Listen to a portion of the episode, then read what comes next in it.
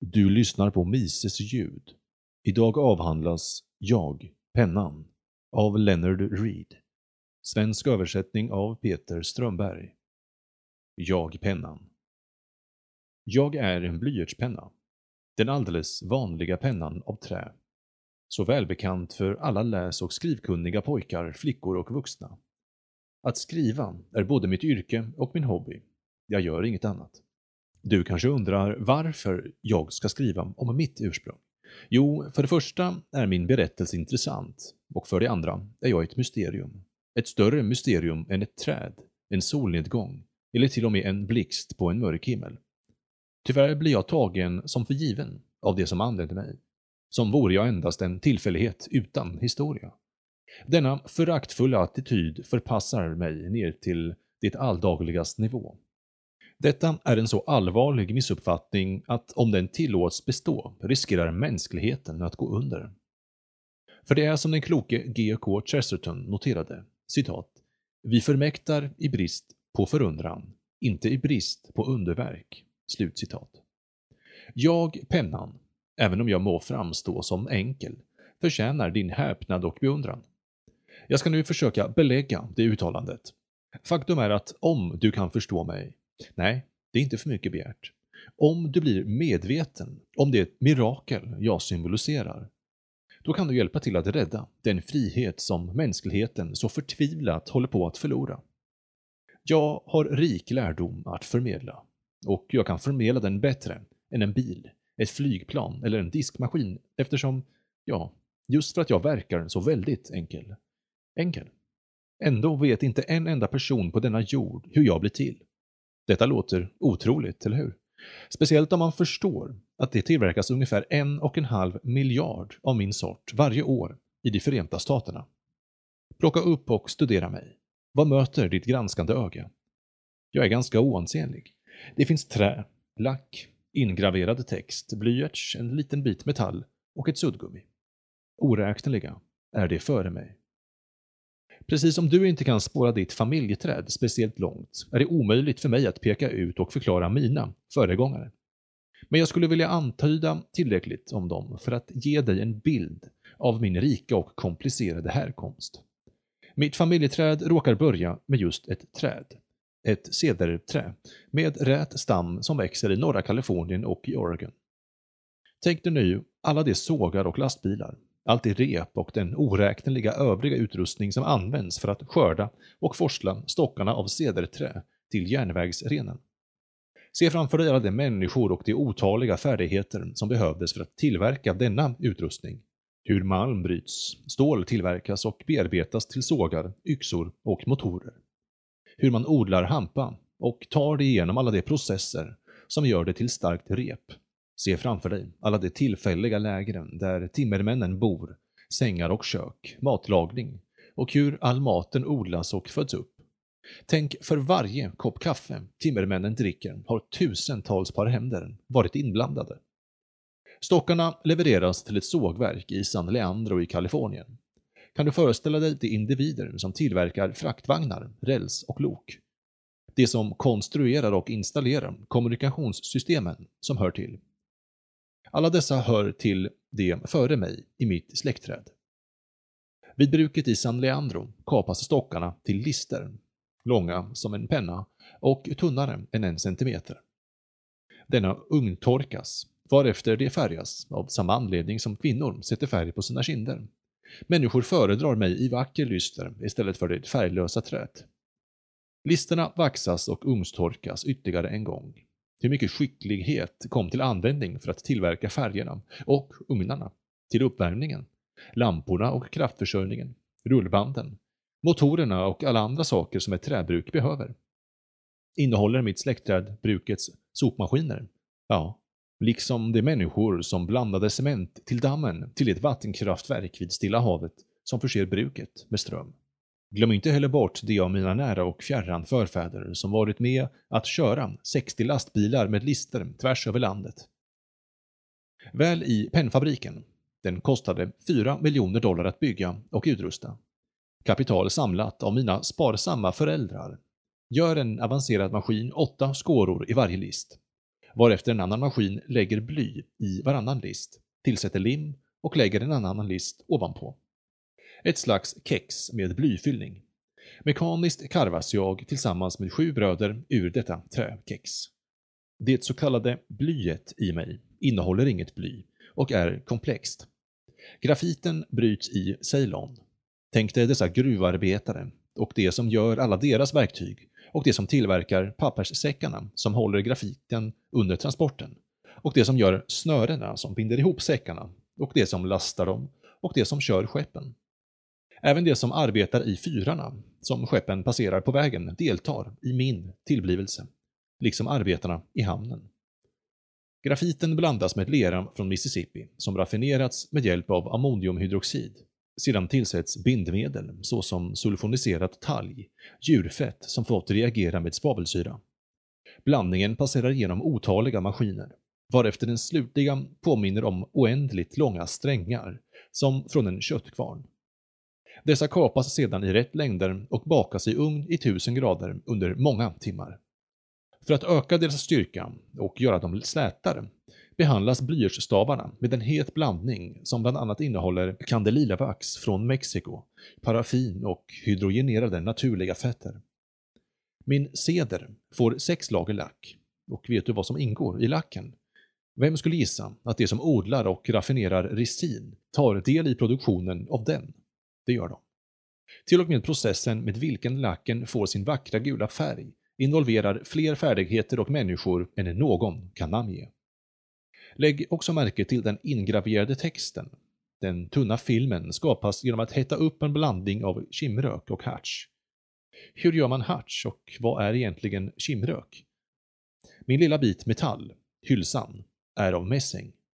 Tänk på alla de människor som bryter zink och koppar och de som har den nödvändiga kunskapen kring hur man gör mässing från dessa naturprodukter.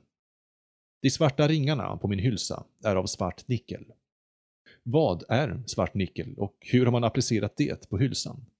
Bara berättelsen om varför mittdelen av min hylsa inte har något svart nickel skulle ta många sidor att återge. Vi har även min praktfulla kröning, inom branschen slarvigt kallad pluggen. Den del som människan använder för att sudda bort det fel hon gör med mig. Den ingrediens som står för själva suddandet kallas faktis. Det är en gummiliknande produkt framställd genom att låta rapsolja från det nederländska Ostindien reagera med svavelklorid. Tvärtom vad många tror används gummi endast som bindmedel. Utöver det finns där otaliga vulkaniserande och påskyndande medel. Pimpstenen kommer från Italien och pigmentet som färgar pluggen är kadmiumsulfid. Ingen vet. Är det någon som vill ifrågasätta mitt tidigare utsaga att det inte finns en enda människa på jorden som vet hur jag blir till? Det är faktiskt miljoner människor som varit med om att skapa mig. Och inte ens en av dem vet mer än ett fåtal av de andra. Ja, du kanske tycker att det är långsökt av mig att rekrytera mannen som plockar en kaffeböna i avlägsna Brasilien och matbönder på andra ställen bland de som har skapat mig. Det är att ta saken till sin extrem. Jag kommer vidhålla mitt påstående. Det finns inte en bland alla dessa miljoner, inklusive chefen för pennföretaget, som bidrar med mer än en ynka, pytteliten bit sakkunskap. När det gäller sakkunskap är den enda skillnaden mellan grafitbrytaren i Ceylon och skogshuggaren i Oregon vilken typ av sakkunskap de besitter. Det går inte att avstå från vare sig gruvarbetaren eller skogshuggaren, lika lite som från kemisten i fabriken eller arbetaren på oljefältet, då paraffin framställs av olja. Häpnadsväckande fakta. Varken arbetaren på oljefältet, kemisten, den som gräver fram grafit eller lera, någon av dem som bemannar eller bygger skeppen eller lastbilarna, den som kör maskinen som lättrar min lilla bit metall eller ens företagschefen, utför en enda av sina sysslor för att de vill ha mig. Var och en av dem vill ha mig mindre än till exempel ett barn vill som går i första klass. Det finns till och med de i denna mångfald som aldrig har sett en penna eller skulle veta hur den används. De drivs av något annat än mig. Kanske är det något liknande detta. Var och en av dessa miljoner ser att detta är ett sätt att byta sin lilla sakkunskap mot de varor och tjänster som denne behöver eller vill ha. Jag kanske, eller kanske inte, finns bland dessa saker. Ingen centralplanerare.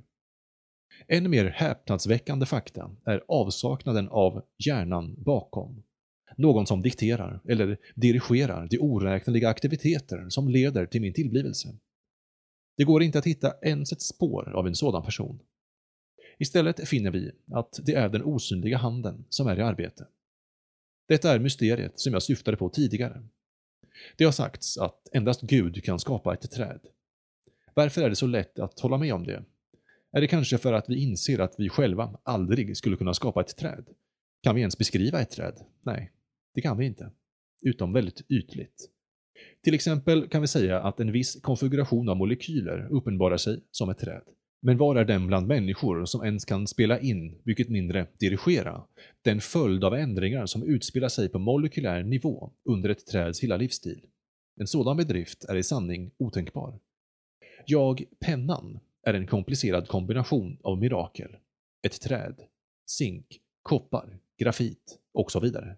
Men till dessa naturens mirakel har ett ännu mer fantastiskt mirakel lagts till. Ansamlingen av kreativ, mänsklig energi. Miljoner av små bitar sakkunskap som samlar ihop sig naturligt och helt spontant som ett svar på mänskliga behov och önskningar, helt utan någon hjärnan bakom. Eftersom endast Gud kan skapa ett träd, hävdar jag att endast Gud kan skapa mig. Lika lite som människan kan pussla samman molekyler för att skapa ett träd kan hon styra dessa miljoner små bitar av sakkunskap för att jag ska bli till. Det var det ovanstående jag menade när jag skrev. Om du blir medveten om det mirakel jag symboliserar, då kan du hjälpa till att rädda den frihet som mänskligheten så förtvivlat håller på att förlora. För om man är medveten om att dessa sakkunskaper, helt naturligt, ja, automatiskt, arrangerar sig i kreativa och produktiva mönster, helt utan närvaron av en statlig eller tvingande centralplanerare, då har man i sin ägo en absolut nödvändig ingrediens för frihet. Ett förtroende för fria människor. Frihet är helt omöjligt utan detta förtroende. När staten har haft monopol på en given kreativ aktivitet som till exempel brevutlämning kommer de flesta människor att få för sig att brev inte kan levereras effektivt av medmänniskor som agerar efter egen fri vilja. Anledningen är att var och en inser att de själva inte förstår hur man gör alla de saker som måste till för att få leverans av brev att fungera. Var och en förstår även att ingen annan enskild individ kan göra det. Dessa antaganden är riktiga. Ingen enskild person har tillräcklig sakkunskap för att utföra en hel nations utdelning av brev. Liksom ingen enskild individ har tillräckligt med sakkunskap för att kunna göra en blyertspenna.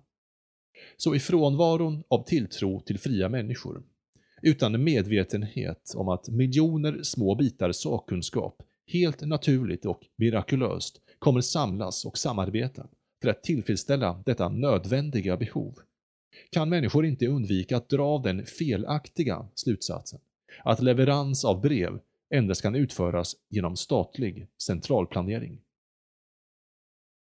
Vittnesmål i överflöd om jag, pennan, vore den enda saken som kunde bära vittnesbörd om vad fria män och kvinnor kan åstadkomma, skulle de med liten tilltro ha goda anledningar att hålla fast vid sin ståndpunkt. Men det finns vittnen i överflöd. Allt handlar om oss, och det finns överallt omkring oss. Att dela ut brev är ytterst enkelt i jämförelse med, säg, att tillverka en bil, eller en räknemaskin, eller en skördetröska, eller en fräs, eller ja, tusentals andra saker. Leverans. Ja, inom detta område, där människor lämnats fria att försöka, levererar de den mänskliga rösten runt hela jorden på mindre än en sekund. De levererar en händelse i rörlig bild hem till vem som helst samtidigt som det händer. De levererar 150 passagerare från Seattle till Baltimore inom mindre än fyra timmar. De levererar gas från Texas till någons spis eller värmepanna i New York till otroligt låga priser, utan subventioner. Det levererar varje dubbelliter olja från Persiska viken till amerikanska östkusten, halvvägs runt jorden, till lägre pris än staten kräver för att leverera ett 20 grams brev tvärs över gatan. Det jag vill lära ut här är att vi ohämmat bör lämna alla kreativa energier i fred. Ordna samhället så att det kan agera i harmoni med denna lärdom. Låt samhällets juridiska insatser ta bort alla hinder efter bästa förmåga. Tillåt dessa kreativa sakkunskaper flöda helt fritt. Ha tilltro till att fria män och kvinnor följsamt kommer reagera på den osynliga handen. Denna tilltro kommer att bekräftas. Jag, pennan, även om jag verkar enkel, erbjuder dig miraklet om min egen tillblivelse som vittnesbörd att det är en praktisk tillvaro. Lika praktisk som solen, regnet, cederträdet, den goda jorden.